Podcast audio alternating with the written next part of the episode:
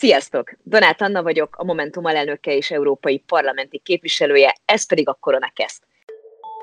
Ebben a sorozatban, mint hogy megszokhattátok, külföldön élő momentumosokkal beszélgetek arról, hogy náluk hogyan változott meg az élet a koronavírus hatására. Személyes tapasztalataik alapján fogjuk körbejárni, hogy mi a helyzet jelenleg Európában.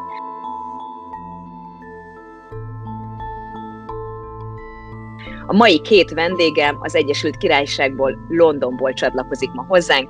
Az első Csillag Tamás, aki szombathelyről költözött Londonba, politikai tanácsadó és közgazdász, illetve Pogonyi Csaba, aki picit földén Budapestről, Óbudáról költözött Londonba, ő is közgazdász. Sziasztok, fiúk! Tamás, esetleg elmeséled, hogy te hogyan kerültél Szombathelyről Londonba?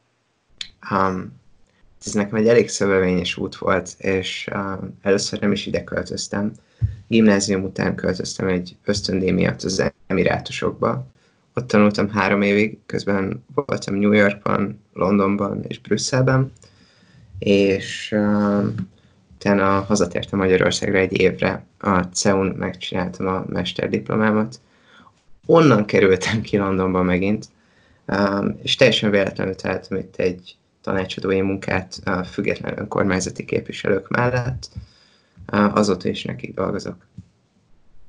Hát ez nagyon izgalmas lesz, mert hogy nyilvánvalóan a koronavírus járvány miatt az, hogy helyben a politika hogyan reagál ezekre a dolgokra, erre majd vissza fogunk térni, csak először Csaba, elmesélnéd, hogy Óbudáról milyen út vezetett Londonig? Óbudáról először az út az a, az a Horánszki utcába vezetett, onnan pedig a Dob utcába. A, a Koliban is pár évet én is a CEU-t, és utána pár évig dolgoztam eh, Magyarországon egy nagy olajvállalatnak, és utána úgy éreztem, hogy most, most még egy, egy jó nagy kihívást szeretnék eh, magam elé eh, kitűzni, úgyhogy elkezdenék egy PHD-t, és Londonban kezdtem el az Imperial College-on egy város és közlekedés gazdász PHD-t, amit sikeresen el is végeztem tavaly év közepén, és azóta pedig város gazdaságtannal meg, meg foglalkozom főleg, főleg tanácsadással itt Londonban, és egy kicsit kakutojas is vagyok, hiszen az elmúlt hónapokban besegítek elég, eléggé a budapesti önkormányzatnak a munkájába is, önkormányzati tanácsadóként dolgozom részállásban.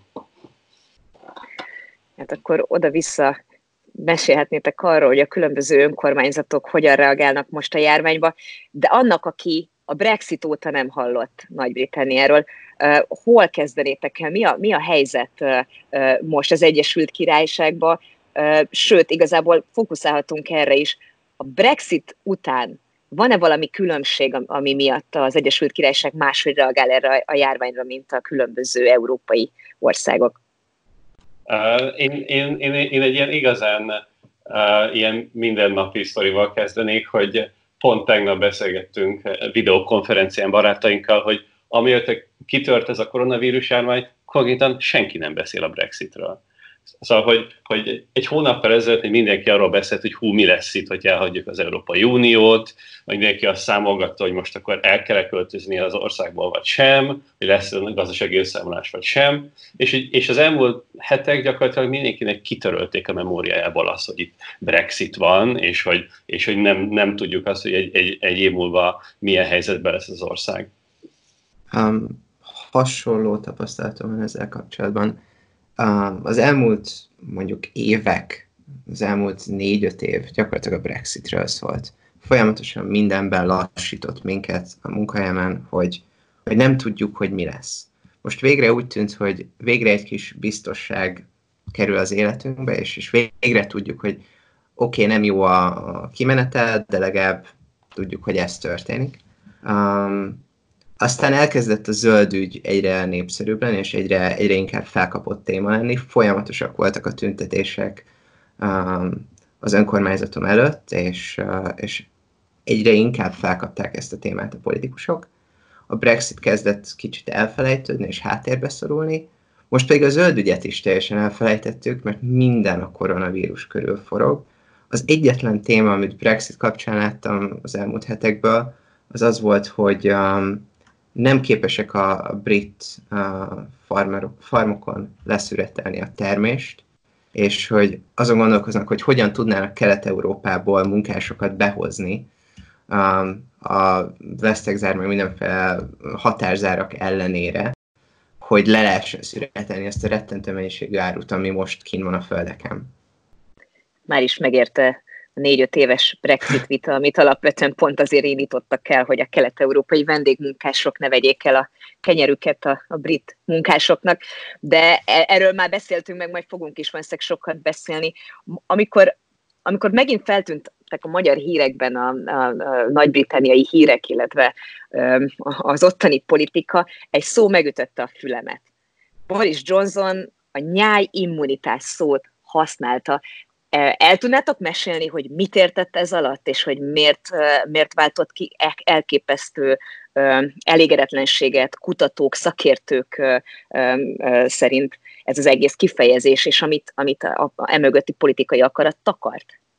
Hát a nyáimmunitás magában annyit jelent, hogyha egy adott populációban elég egyén megkapta már a vírust, és a testében kialakultak az antitestek a vírusra, akkor az az ember nem egy fertőző egyén, őre nem tud átugrani a vírus, ő nem tudja terjeszteni ezt tovább. Az ötlet az volt, hogyha elég sok emberhez eljuttatnánk a vírust, um, és ezt úgy tennénk, hogy közben nem terheljük túl az egészségügyi ellátórendszert, akkor onnantól kezdve lennének ilyen, hogy is mondjam, semleges emberek a, a, a népességben, akik nyugodtan járhatnak keletnek, nyugodtan folytathatják az életüket, mert nem fertőzőek. Ez volt az alapelképzelés. Aztán azért lett ebből hatalmas botrány, meg azért lett ebből probléma, mert a vírusnak a számai nem úgy néznek ki, mint egy átlag influenzának a számai, máshogy fertőz, tovább lappang, gyilkosabb betegségről beszélünk, és sokkal súlyosabb tüneteket produkál, nem csak az idős emberek körében. És ezért váltottunk viszonylag gyorsan, egy hét leforgás alatt eljutottunk volna, hogy nyáimmunitás odáig, hogy tesztelni kell és le kell zárni az országot. Tehát ugye alapvetően az volt itt az ötlet, hogy söpörjön végig a járvány az országon, halljon meg, akinek meg kell, a többiek immunissá válnak, és akkor a gazdaság is túl tudja élni. Ha, ha jól értem, akkor tehát az egy dolog, hogy a szakértők erre egyből nemet mondtak, de mit mondtak az ismerőseitek? Tehát ez az átlagember számára is átjött, hogy ez mekkora badarság? Nem teljesen hülyeség az ötlet. Szóval, hogyha ha megkérdezel virológusokat, azt mondták, hogy működhetne a dolog, hogyha tényleg mondjuk a fiatalok körében nem okozna ez komoly tüneteket ez a vírus, és addig, amíg a, a népesség nagy részén átmenne a dolog, addig képesek lennénk az időseket teljesen elzárni a társadalomtól. A probléma az, hogy ez egy elméleti dolog, ami a gyakorlatban nagyon nehezen ültethető át egy liberális demokráciában, az emberek hozzá vannak szokva ahhoz, hogy kimehetnek az otthonukból, és tehetik, amit akarnak. Szerintem, ami nekem nagyon izgalmas volt, az az, hogy, hogy hogyan reagáltak erre az emberek. Tehát amikor azt, a, és akkor azt tűnt fel, hogy mennyire fontos az, hogy milyen médiát követ. Az én munkahelyemen kb. az emberek fele brit, a másik fele pedig mindenhonnan a világból jön, és, és egyszerűen az volt, hogy aki, aki a brit médiát olvasta, az az első napokban még így, így valamennyire ez így tetszett is neki, hogy igen, nyájimmunitás, meg amúgy is ez csak, egy, ez csak egy ilyen influenza, fiatal vagyok, nem lesz semmi bajom tőle, esünk túl rajta, menjünk kocsmázni, és aztán az tökélet nagyon érdekes volt, hogy viszont mondjuk a kelet-európaiak, vagy, a, vagy az olaszok, vagy a franciák, ők viszont valószínűleg sokkal több hírt olvastak otthonról, és ők már értették, hogy ez nem egy szokásos influenza, és ők voltak az elsők azok közül is, akik azt mondták, hogy ők, ők már pedig nem mennek be dolgozni. Ők nem mennek be az irodába, és akkor ez valamikor március 12 a környékén történt, amikor így az emberek, főle, főleg a, a kontinentális Európáról jövő uh, munkatársaim ráébredtek arra, hogy ez, ez, ez nem tréfa, és ők, ők saját azt mondják, hogy figyelj, minket így nem érdekel, mit mond a főnök, mi nem megyünk be dolgozni.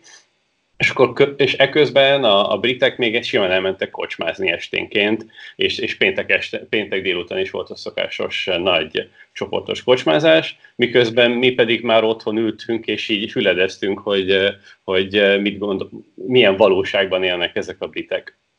és aztán, aztán a rákövetkező hét közepére ért, értünk csak, csak el odáig, tehát egy egész hét eltelt, mire a, mire a főnökség is azt gondolta, hogy nagyon most már igazatok van, és léci ne gyertek be az irodába.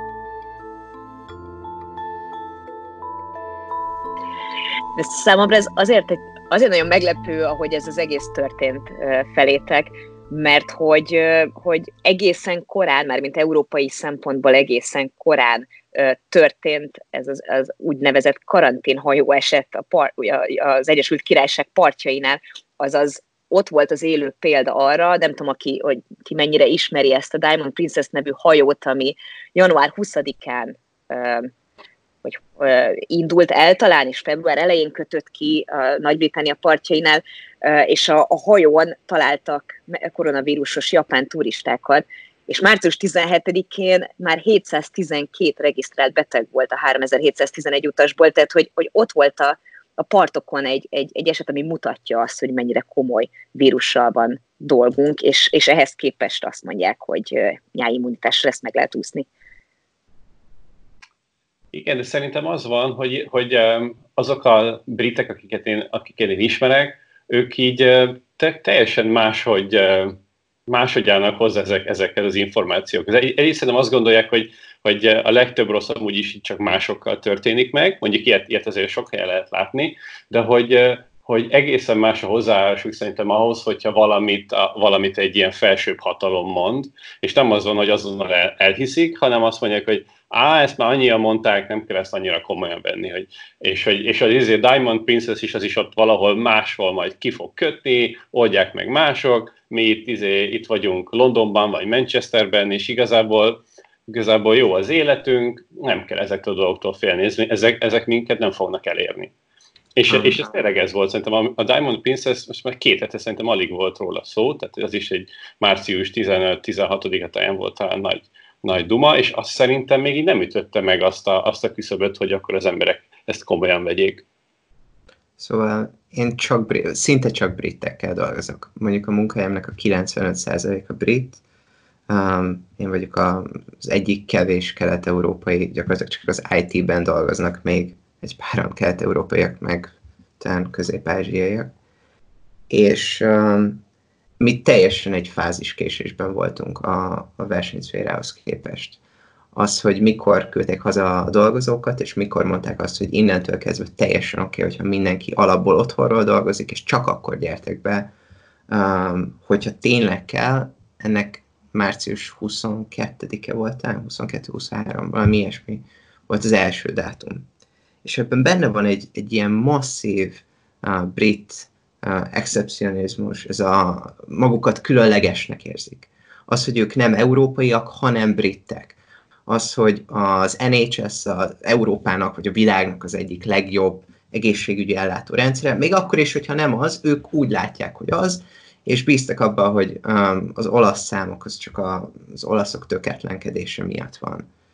Um, és igen, így lehetett az, hogy az elején sokan azt mondták, hogy persze ez, ez működhet, ez a nyári immunitás dolog.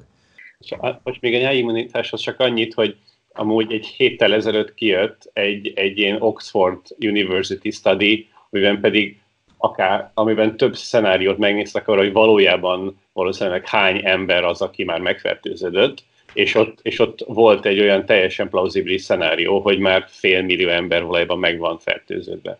Szóval hogy az, az az abszolút izgalmas ebben a nyáimmunitásos kérdésben is, hogy így valójában nem tudjuk, hogy hány ember fertőződött meg, azt hiszem a, az emberek 80%-ának, aki, aki megfertőződött, nincsenek is igazából tünetei, és hogy, és hogy ha elfogadod azt, hogy tényleg így nem nagyon tudod, mi a valóság, akkor, akkor nagyon sok mindent bele lehet ebbe magyarázni. És nagyon sok minden ilyen, ilyen tévhitet is bele lehet magyarázni. Szerintem az is rontja még a helyzetet, hogy hosszú távon, hogyha most tényleg, nem tudom, követtétek az elmúlt napok híreit, most arról volt szó, hogy ugye három hónap, lehet, hogy is lesz, amíg visszaáll a, a helyzet a normális kerékvágásba. Ez rettentő hosszú idő és a britek baromira feltek attól, hogy a gazdaságot teljesen tartsra vágja ez. Um, hogyha ha nem sikerül ez idő alatt teljesen kiértanunk a vírust, akkor még könnyen abban a helyzetben találjuk magunkat, hogy jó, lezártuk az országot két hónapra, aztán valahogy mégiscsak vissza, visszajön a vírus. És az oltás egy-másfél évre van. És volt bármilyen hatással a britek közgondolkodására, vagy, vagy, vagy a, a, a, a vírus terjedésére való gondolkodásmódjukra az, hogy azért viszonylag igen híres emberek is megbetegedtek ez idő alatt nálatok, többek között Károly Herceg, illetve Boris Johnson maga is.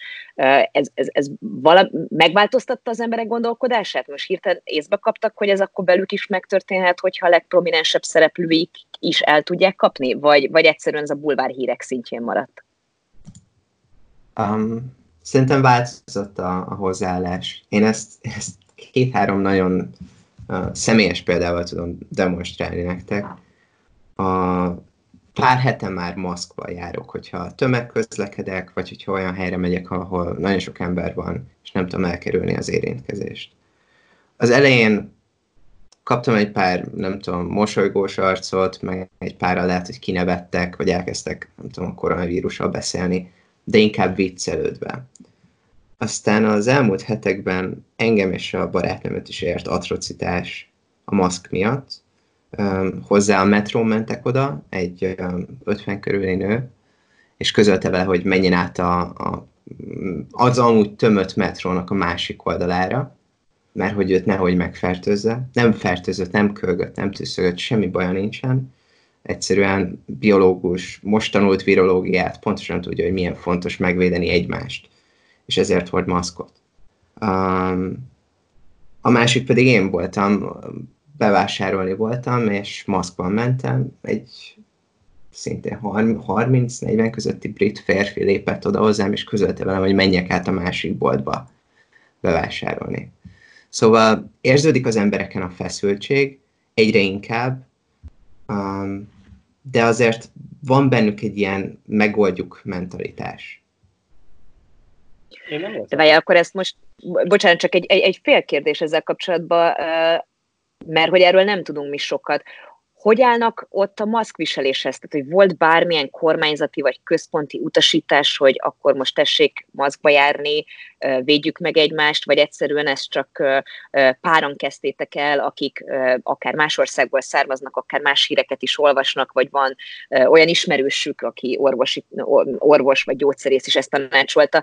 Tehát, hogy egyelőre ott a maszkviselés, ahogy mondod, ez valami különbségnek számít, és inkább attól felnek, hogy aki viseli, az a beteg, és ezért viseli, vagy volt erről bármilyen kommunikáció, mert Magyarországon most nagy vita van, hogy kell a maszkot hordani, vagy sem? Szerint... Én nem tudok arról, hogy hogy lett volna erről ez kormányzati, uh, ez ilyen, ez ilyen uh, utasítás. kommunikáció nem. Kommunikáció sem volt, és én el szoktam menni biciklizni, naponta elmegyek biciklizni, és bebiciklizek a, a kihalt belvárosba, és aztán visszabiciklizek, és azért elég sok ember van továbbra is az utcákon, és szerintem, ha öt emberből, ha egyen van maszk. Szerintem nem, nem érzem azt, hogy az emberek ezt, ezt a részét olyan komolyan vennék. Az otthonmaradás azt komolyan veszik, az otthoni karantént azt szerintem komolyan veszik, de a maszkviselést azt szerintem, azt nem egyáltalán nem veszik komolyan. Szerintem sem. Ez, ez egy viszonylag nincs dolog maradt itt, um, csak pont olyan közegben mozgok, vagy egy olyan tudom, társaságban vagyok, ahol elkezdték ezt csinálni, és, és pont volt annyi szerencsénk, hogy mi január óta követjük, hogy mi történik Kínában, sok kínai barátunk is van, és, és láttuk, hogy ez komoly lesz. Sejtettük, hogy ez komoly lesz, mi viszonylag korán vettük magunknak egy pár maszkot, vettünk magunknak másfél liter fertőtlenítőt. Szóval, ja, elég felkészülten vártuk a, a, azt, hogy mikor ér ide.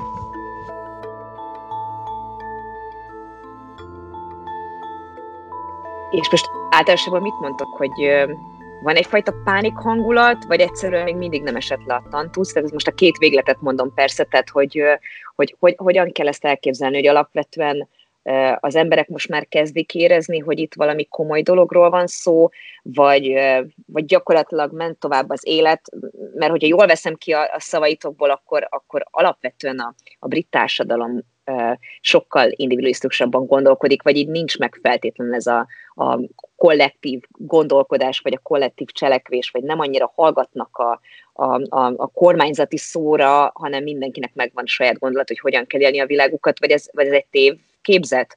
Tehát mennyire, mennyire ijedtek már meg a britek, vagy mennyire uh, uh, tudatosan viselkednek most így a járvány alatt, uh, akár a barátaitok, vagy a munkatársaitok, mit láttok? Én egy kicsit el vagyok borzadva igazából, hogy, hogy me, én azt érzem, hogy mennyire mindig nagyon sokan nevetnek ezen, és hogy, és hogy igazából nem is, nem is attól félnek elsősorban, hogy ők maguk megbetegednek, és hogy valami bajuk lesz, sőt, még talán szerintem még a szüleikről sem nagyon félnek, hogy valami lesz. De elsősorban a, a, a gazdasági összeomlástól félnek azok közül, akiket én ismerek.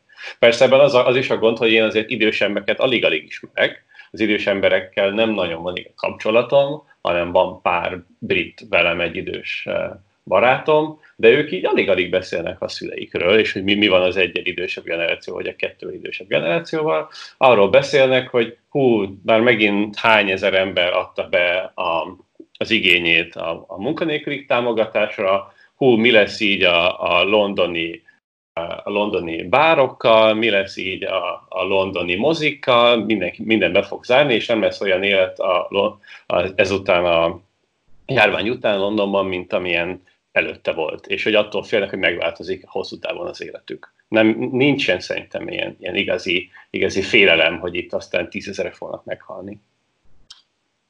Um, én viszonylag sok időssel dolgozok, a képviselőim átlag életkora 60 fölött van, ők az elején nagyon könnyeden vették a dolgot, és nagyon hirtelen úgy döntöttek, hogy teljesen elvonulnak és, és izolálják magukat. Um, azt mondanám, hogy mind jó módú, mind legalább középosztály plusz. Itt, um, az önként, itt az önkormányzati munka az szinte önkéntesség. Nem kapsz érte még minimálbért se, és, és éppen ezért viszonylag tehetősebb emberek csinálják. Aki tehette, az elment vidékre, az elvonult, nem tudom, a Devoni házába, és, és most ott húzza ki a következő pár hónapot. Szóval egy kicsit ilyen nyaralásként is fogják föl, nem pánikolnak, de azért a számok ijesztőek. És akik, akik beszélnek erről, akik foglalkoznak a számokkal, akik követik a fejleményeket, azok azért kezdenek megijedni. Um, ugye eleve viszonylag magas a, a ugye sok tesztet végeznek, tehát itt már 100 ezer fölött van az elvégzett tesztek száma, 140-50 körül, 140-50 ezer körül, és abból 19-20 ezer pozitív is lett, ebből meghalt ezer valahány száz. Az egy egész magas halálozási arány. Um, illetve, hogyha ha megnézitek a nemzetközi összehasonlítást, az NHS bár jó állapotban, vagy relatíve jó állapotban van, megint, hogyha megnézzük a képeket az itteni uh, intenzív osztályokról, fantasztikusan felszerelt osztályok vannak, de relatíve kevés ágy jut uh, százezer emberre. Még Magyarországhoz képest is. Lehet, hogy ezek jól fel vannak szerelve, de, de hogyha itt tényleg tömegek kerülnének kórházba, akkor itt ugyanolyan baj lenne, mint bárhol máshol. És azok, akik ezzel a tényel így elkezdenek szembesülni, azok kezdenek félni, és egyre komolyabban veszik de ez inkább ilyen hullámokban történik meg. Először volt a BC papír hullám, utána volt a kaja felvásárlási hullám, most elkezdtek az emberek attól félni, hogy ők is megkapják eljutott a hír, vagy, vagy volt ebből nagyobb média visszhang, vagy társadalmi visszhang, hogy pont sajnos a budapesti brit nagykövet helyettes Steven, Steven Dick az egyik magyarországi áldozat, és ő csak 37 éves volt.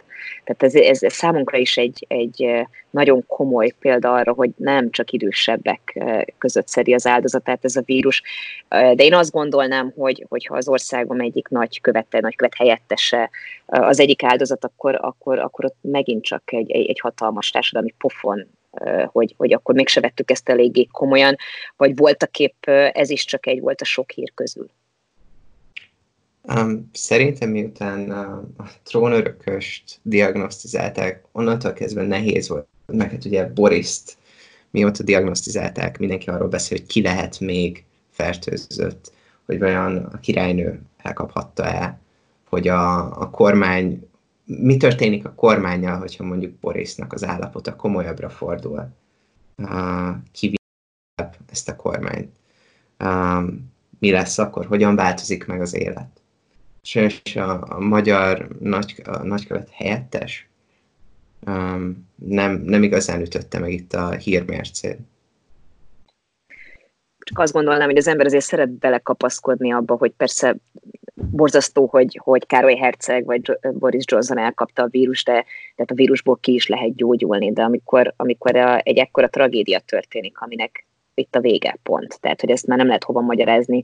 Nagyon sok embernek ez szokott lenni a, a, a hideg neki, hogy mennyire komoly a helyzet. Csak ezért gondoltam, nem tett azért, mert Budapesten történt esetről van szó. De szerintem amúgy pont ez a lényeg, hogy ez a hideg zuhany, ez még itt nem történt meg. Hát, hogy még, én még nem láttam ilyen igazi horror képeket a Guardian-ön, nem láttam még azt, hogy, hogy lettek volna konkrétan ilyen sztorik, hogy, hogy a fiatalok is megkaphatják. Szerintem ez még mindig kicsit ilyen, ilyen távoli ez az egész, és addig, ameddig, addig, ameddig elég könnyen kezeli a jelenlegi egészségügyi rendszer azt a számot, ahányan jelenleg fertőzöttek, addig szerint, tehát szerintem lesz még egy, még egy rádöbbenés, hogy hú basszus, ez bizony a fiatalokat is el tudja érni. És ez, ez még egy hét, két hét simán. Szerintem is. Ez, ez még később fog történni. És addigra azért Anglia elég jól szervezett lesz. Um, tudom, több mint 750, iratko- 750 ezeren iratkoztak fel önkéntesnek, a, amikor a, az egészségügyi ellátórendszer meghirdette azt, hogy szüksége van önkéntesekre. Um, vannak egyéb ilyen helyi közösségi kezdeményezések, ami a, nem tudom, az időseknek gyógyszerszállítástól kezdve a bevásárláson át nagyon sok mindent meg fog oldani um, helyi szinten, úgy, hogy, ez ne okozzon fennakadást, ne, ne robbantsa ki az időseket a, az izolációból. Um, de tényleg, tehát, hogy az, hogy, hogy itt még egy ilyen hidegzvaj nem történt meg. Nagyon sokat mondtátok, hogy a britek, az angolok van bármilyen különbség akár hozzáállásba, mentalitásba, intézkedések között, a, a, a, a Nagy-Britannia különböző részei között? Tehát van különbség, ahogy a skótok, a velsziek, az északírek, vagy az angolok viselkednek, vagy, vagy itt fogalmazhatunk, tehát így beszélhetünk általánosságba az Egyesült Királyságról? Nekem inkább az az izgalmas, hogy szerintem még jelenleg is, és az én köreimben többet beszélnek az indiai uh, dolgokról, mint ami mondjuk Franciaországban történik. Szóval hogy engem mindig az az, ami, ami kicsit lebilincsel, hogy a, hogy a, a, a régi imperializmus az, az még ilyenkor is visszaköszön, hogy mindenki volt már, uh, nem tudom én, Kalkuttában, meg, meg Ausztráliában, és oda sokkal, és, és jobban követi azokat a híreket, amik onnan jönnek, mint ami akár a szomszédból jön. És itt, én például, amiről beszélgettem mostában, az az volt, hogy, hogy Indiában milyen kijárási tilalmak vannak, és hogy, és hogy segítsünk azoknak a, azoknak az ilyen, minden, uh, ilyen kétkezi munkásoknak Indiában, akik most effektíve éheznek. Ez na, az, én, az én köreimben inkább ezek a sztorik mennek. Um, nekem ami, ami nagyon meglepő volt, hogy um, jövőre lennének önkormányzati választások itt, és most már eléggé felkészülőbben voltak a képviselők arra, hogy kampányt kellene összerakni. Ahogy kiirdették itt is a válsághelyzetet, vagy veszélyhelyzetet, vagy nem tudom, minek hívjam ezt, azonnal eltűntek a politikai megosztottságok, hirtelen mindenki összezárt, tök mindegy, hogy Labour, vagy konzervatívok, vagy libdemek, azonnal azon kezdtek el dolgozni, hogy hogyan lehetne a legjobbat kihozni ebből a helyzetből. Um, azonnal szakértőket hívtunk be, um, hagyjuk, a, hagyjuk a demokratikus vitáinkat, most együtt kell dolgozni. Um, itt a, a kormányzó és elég nagy többsége van, több, jóval több, mint kétharmados többsége van a, az önkormányzatomban a toriknak, a konzervatívoknak.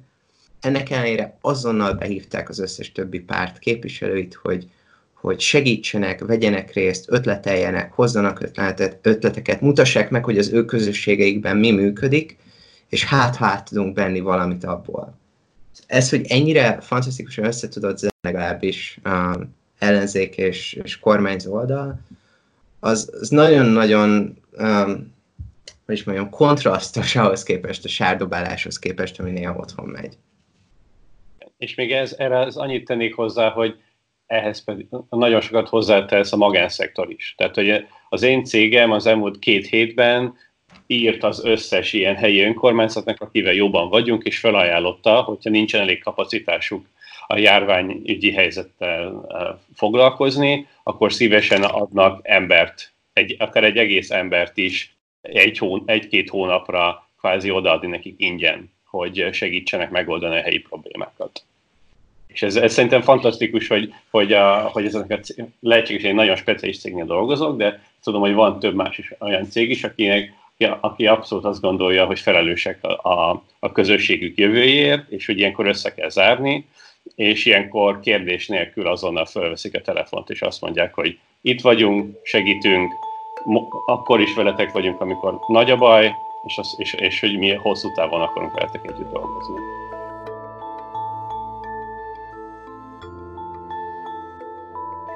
Melyik, és nagyon sok nagyon pozitív dolgot mondtatok, mi az, ami most nyilvánvalóan a politikai egységet leszámítva, mert mindannyian arra vágyunk, de az egy halott álomnak tűnik most jelenleg Magyarországon, de mi az az, milyen olyan intézkedés van, amiről azt gondoljátok, hogy Magyarország is meg tudná és meg kellene lépnie, ami, ami, amit, amit lemásolhatnánk, vagy, vagy esetleg még érdekesebb, van-e olyan, ami, ami, amit Magyarországon már megléptek, és, és Nagy-Britanniában még, még fel sem erült?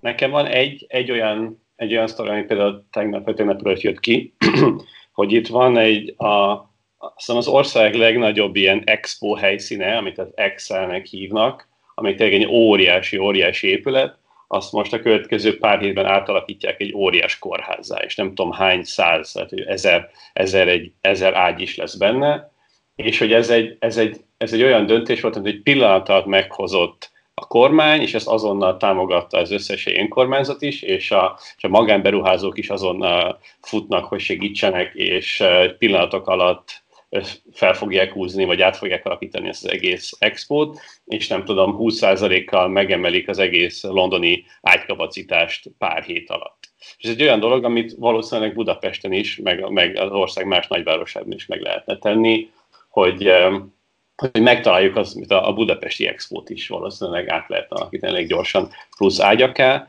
és hogy az van, hogy tudják, hogy mi a következő három hétben valószínűleg nem lesz szükség ezekre az ágyakra, de látnak előre, hogy, hogy mennek fel a számok, és próbálnak kettő, eh, kettő-három héttel előre gondolkodni, hogy mi lesz. Na jó, de erre logikusan jöhetne a magyar válasz, hogy, hogy oké, okay, egy expót át lehet alakítani, egyakat lehet belerakni, de minek, ha nincsen orvos, ápoló, lélegeztetőgép, de még csak maszk vagy készfertőtlenítő sem. Ezek szerint akkor, akkor Nagy-Britanniában nem csak expót tudnak átalakítani, hanem van annyi plusz erőforrás az egészségügybe, hogy fel is tudják szerelni ezt? Amennyire én tudom, igen. Hát, hogy, amit a Tomi is mondott, hogy rengetegen jelentkeztek önkéntes, önkénteseknek, és hogy itt, itt egy óriási hagyománya van az önkénteskedésnek, itt az ember, gyakorlatilag mindenki valamilyen klubhoz tartozik, mindenkinek van valamilyen ilyen közösségi aktivitása, és nem tudok igazából részlet, hogy pontosan hogyan csinálják, de nem hallottam még arról, hogy, hogy óriási gond lenne azzal, hogy rengeteg, túlságosan sokan jelentkeznek segíteni, és nem tudják ezt megoldani, és nem tudják gyorsan kiképezni az embereket. Ilyen, ilyen sztorit én még nem hallottam. Itt, um, nem, én azt mondanám, hogy az orvosokkal, az orvosokból sose lesz elég, sose tudunk elég orvost szerezni, és már most volt a guardian egy olyan cikk, amiben azt írták, hogy négyből egy orvos már most um, önkéntes izolációban van, mert fertőzés gyanús, vagy um, olyan kontaktja volt. És ugye ezeket tesztelni kell, és csak akkor engedhetik vissza, uh, vissza őket betegekkel foglalkozni, hogyha negatívra tesztelnek. Ez egy probléma, ezt um, itt Angliában úgy próbálták orvosolni, hogy a, a végzős orvostan hallgatókat gyakorlatilag a csatasorba állítják, hagyják őket, hogy most, most ezt a pár vizsgát most nem kell letenetek, most prakti- kvázi praktizálhattok, terepgyakorlatot szerezhettek. Ez volt az egyik dolog. A másik az, hogy, hogy ugye hatalmas probléma lesz az összes ilyen nővéri kapacitásnak a megoldása, hogyha elkezdenek lebetegedni a nővérek. És erre lesz jó az a 750 ezer ember, aki feliratkozott önkénteskedni. Erre, illetve az idős gondozásra, ami ugye megint egy kicsit idősebb, idősebb társadalomról van szó, mint a magyar, az átlag életkor legalább 4-5 évvel magasabb. Ez azt is jelenti, hogy sokkal több ember van idősek otthonában, sokkal több ember van otthongondozásban, és ezt valahogy meg kell most oldani. Hogyha valakinek bármilyen tünete van, vagy, vagy csak esély van arra, hogy fertőzött emberrel találkozott, őt azonnal ki kell emelni ebből a, ebből a rotációból, és be kell rakni egy friss embert a helyére. Azt tesztelni, és akkor újra vissza lehet majd idővel rotálni a, a gondozásba. Ezen gondolkoznak, ennek a logisztikáján dolgozik. Most rengeteg szakember, um, például tőlünk, az önkormányzattól, egy um, viszonylag senior menedzsert el, ellopott tőlünk a, az NHS, mert volt katonai tapasztalat, és a seregben logisztikával foglalkozott, de most az önkénteseknek és a felszereléseknek a logisztikájával foglalko- fog foglalkozni a megyében.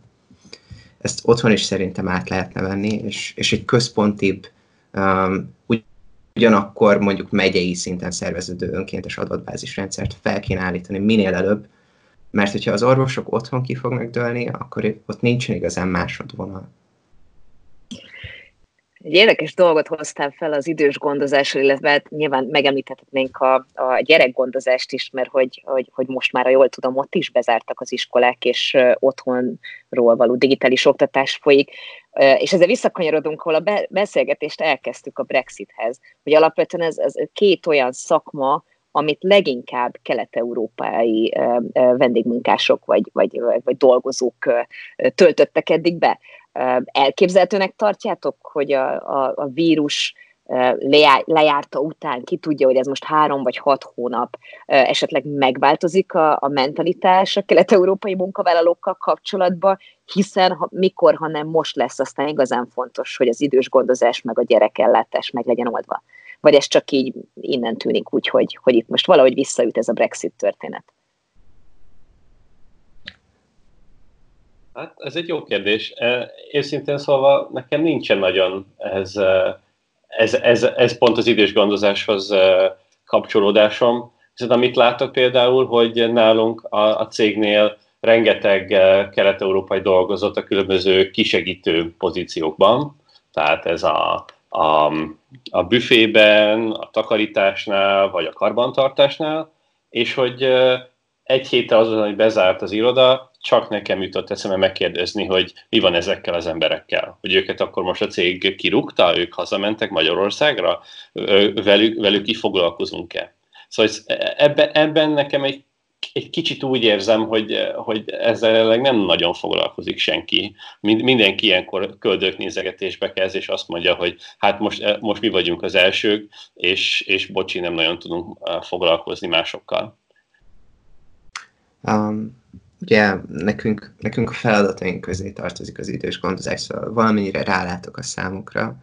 Tényleg nagyon nagy arányban, nem tudom, fele, kétharmada bevándorló szokott lenni az idős gondozásban dolgozó uh, alkalmazottainknak. Um, viszont most a Brexit kapcsán egy csomóan elindultak hazafele, és ezeket az embereket nem fogjuk tudni most megállítani, vagy nem tudtuk megállítani. Mindig hiány volt belőlük, és most a járvány közepén nem fogunk tudni valószínűleg tömegeket kihozni. Szóval én nem reménykedek abban, hogy itt komoly változás lenne, azért, mert, mert a járvány során ők is bizonyítanak.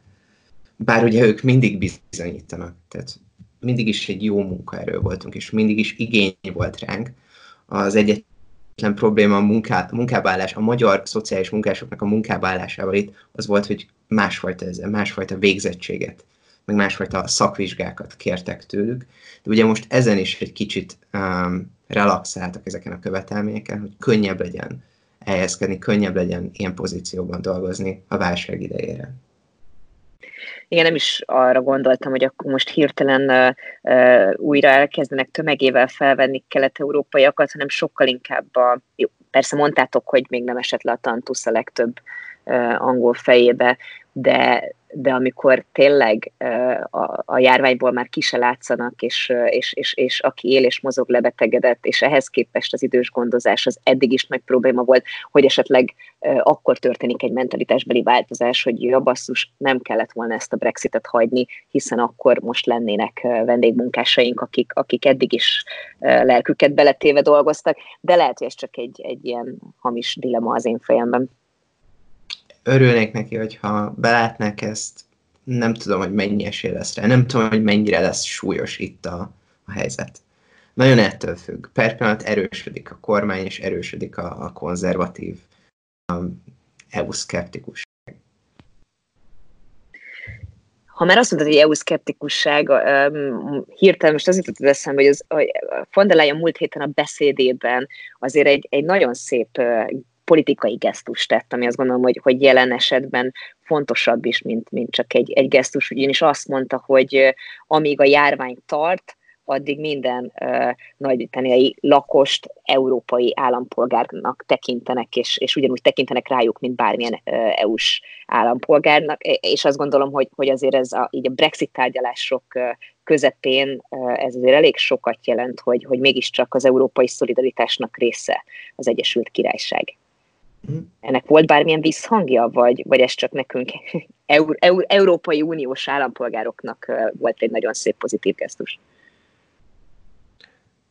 Um, én a baloldali lapokban olvastam erről, de, de kb. eddig jutott a dolog. um, még, ugye, még ugye nem látják azt, hogy ez mit jelent a gyakorlatban, hogy mennyire, mennyire tényleg szükség van arra, hogy most ezek az emberek el legyenek látva, bárhol is vannak, haza tudjanak jönni, és segítsenek nekik ott, ahol vannak. Um, tényleg adjanak a helyzetnek még egy pár hetet, és, és meglátjuk, hogy mennyivel tudja megváltoztatni a brit mentalitást ez a járvány. Jó, hát úgy tűnik, hogy akkor pár hét múlva folytatjuk ezt a beszélgetést. Én nagyon-nagyon remélem, hogy addig nem történik nagyon nagy katasztrófa az Egyesült Királyságba, még akkor is, hogyha ha most úgy tűnik, hogy egyelőre még nem esett le ott a tantusz, de reméljük, hogy ez nem, nem tömeges katasztrófa által válik majd tudatossá. Tőletek meg azt kérem, hogy nagyon vigyázzatok magatokra, és hát remélem, hogy minél hamarabb tudunk majd találkozni, amikor ez a járvány lecsengett. Így van, vagy legalább egy house partyra videót keresztül. Mindenképp. Most minden a digitális térbe történik, ahogy ez a beszélgetés is. Amúgy ez fantasztikus, mert nekünk, akik évek óta távolról veszünk részt, a, mondjuk a Momentum munkájában, vagy távolról próbáljuk tartani a kapcsolatot a családdal, most mindenki egy kicsit átérzi, hogy milyen külföldön élni. Így van. Nekem nem kell mondanod, de én 7 évet éltem Hollandiában, most visszajönnek ezek a régi uh, kolászos emlékek, amikor ja, Galway, Budapest, Amsterdam tengelyen Skype-on keresztül boroztunk. Igen, ez most, most Budapesten belül is ezt. Na hát akkor neked is um, jó karantén. Igen. Nagyon szépen köszönöm, fiúk. Köszönjük, sziasztok. és uh, sziasztok. Sziasztok. Ez volt a mai Coronacast adás Londonból, az Egyesült Királyságból. Köszönöm, hogy velem tartottatok a mai adásban is, és ne felejtsetek el feliratkozni erre a podcastra, hogy azonnal értesülhessetek majd az új részekről, és remélem, hogy majd azok alkalmával is velem tartotok. A következő adásunkban pedig Kínába fogunk látogatni. Azt gondolom, hogy ez egy kihagyhatatlan epizód lesz, hiszen az egész történet onnan kezdődött, és hát még mindig nincsen vége. Addig is vigyázzatok magatokra, vigyázzunk egymásra. Sziasztok!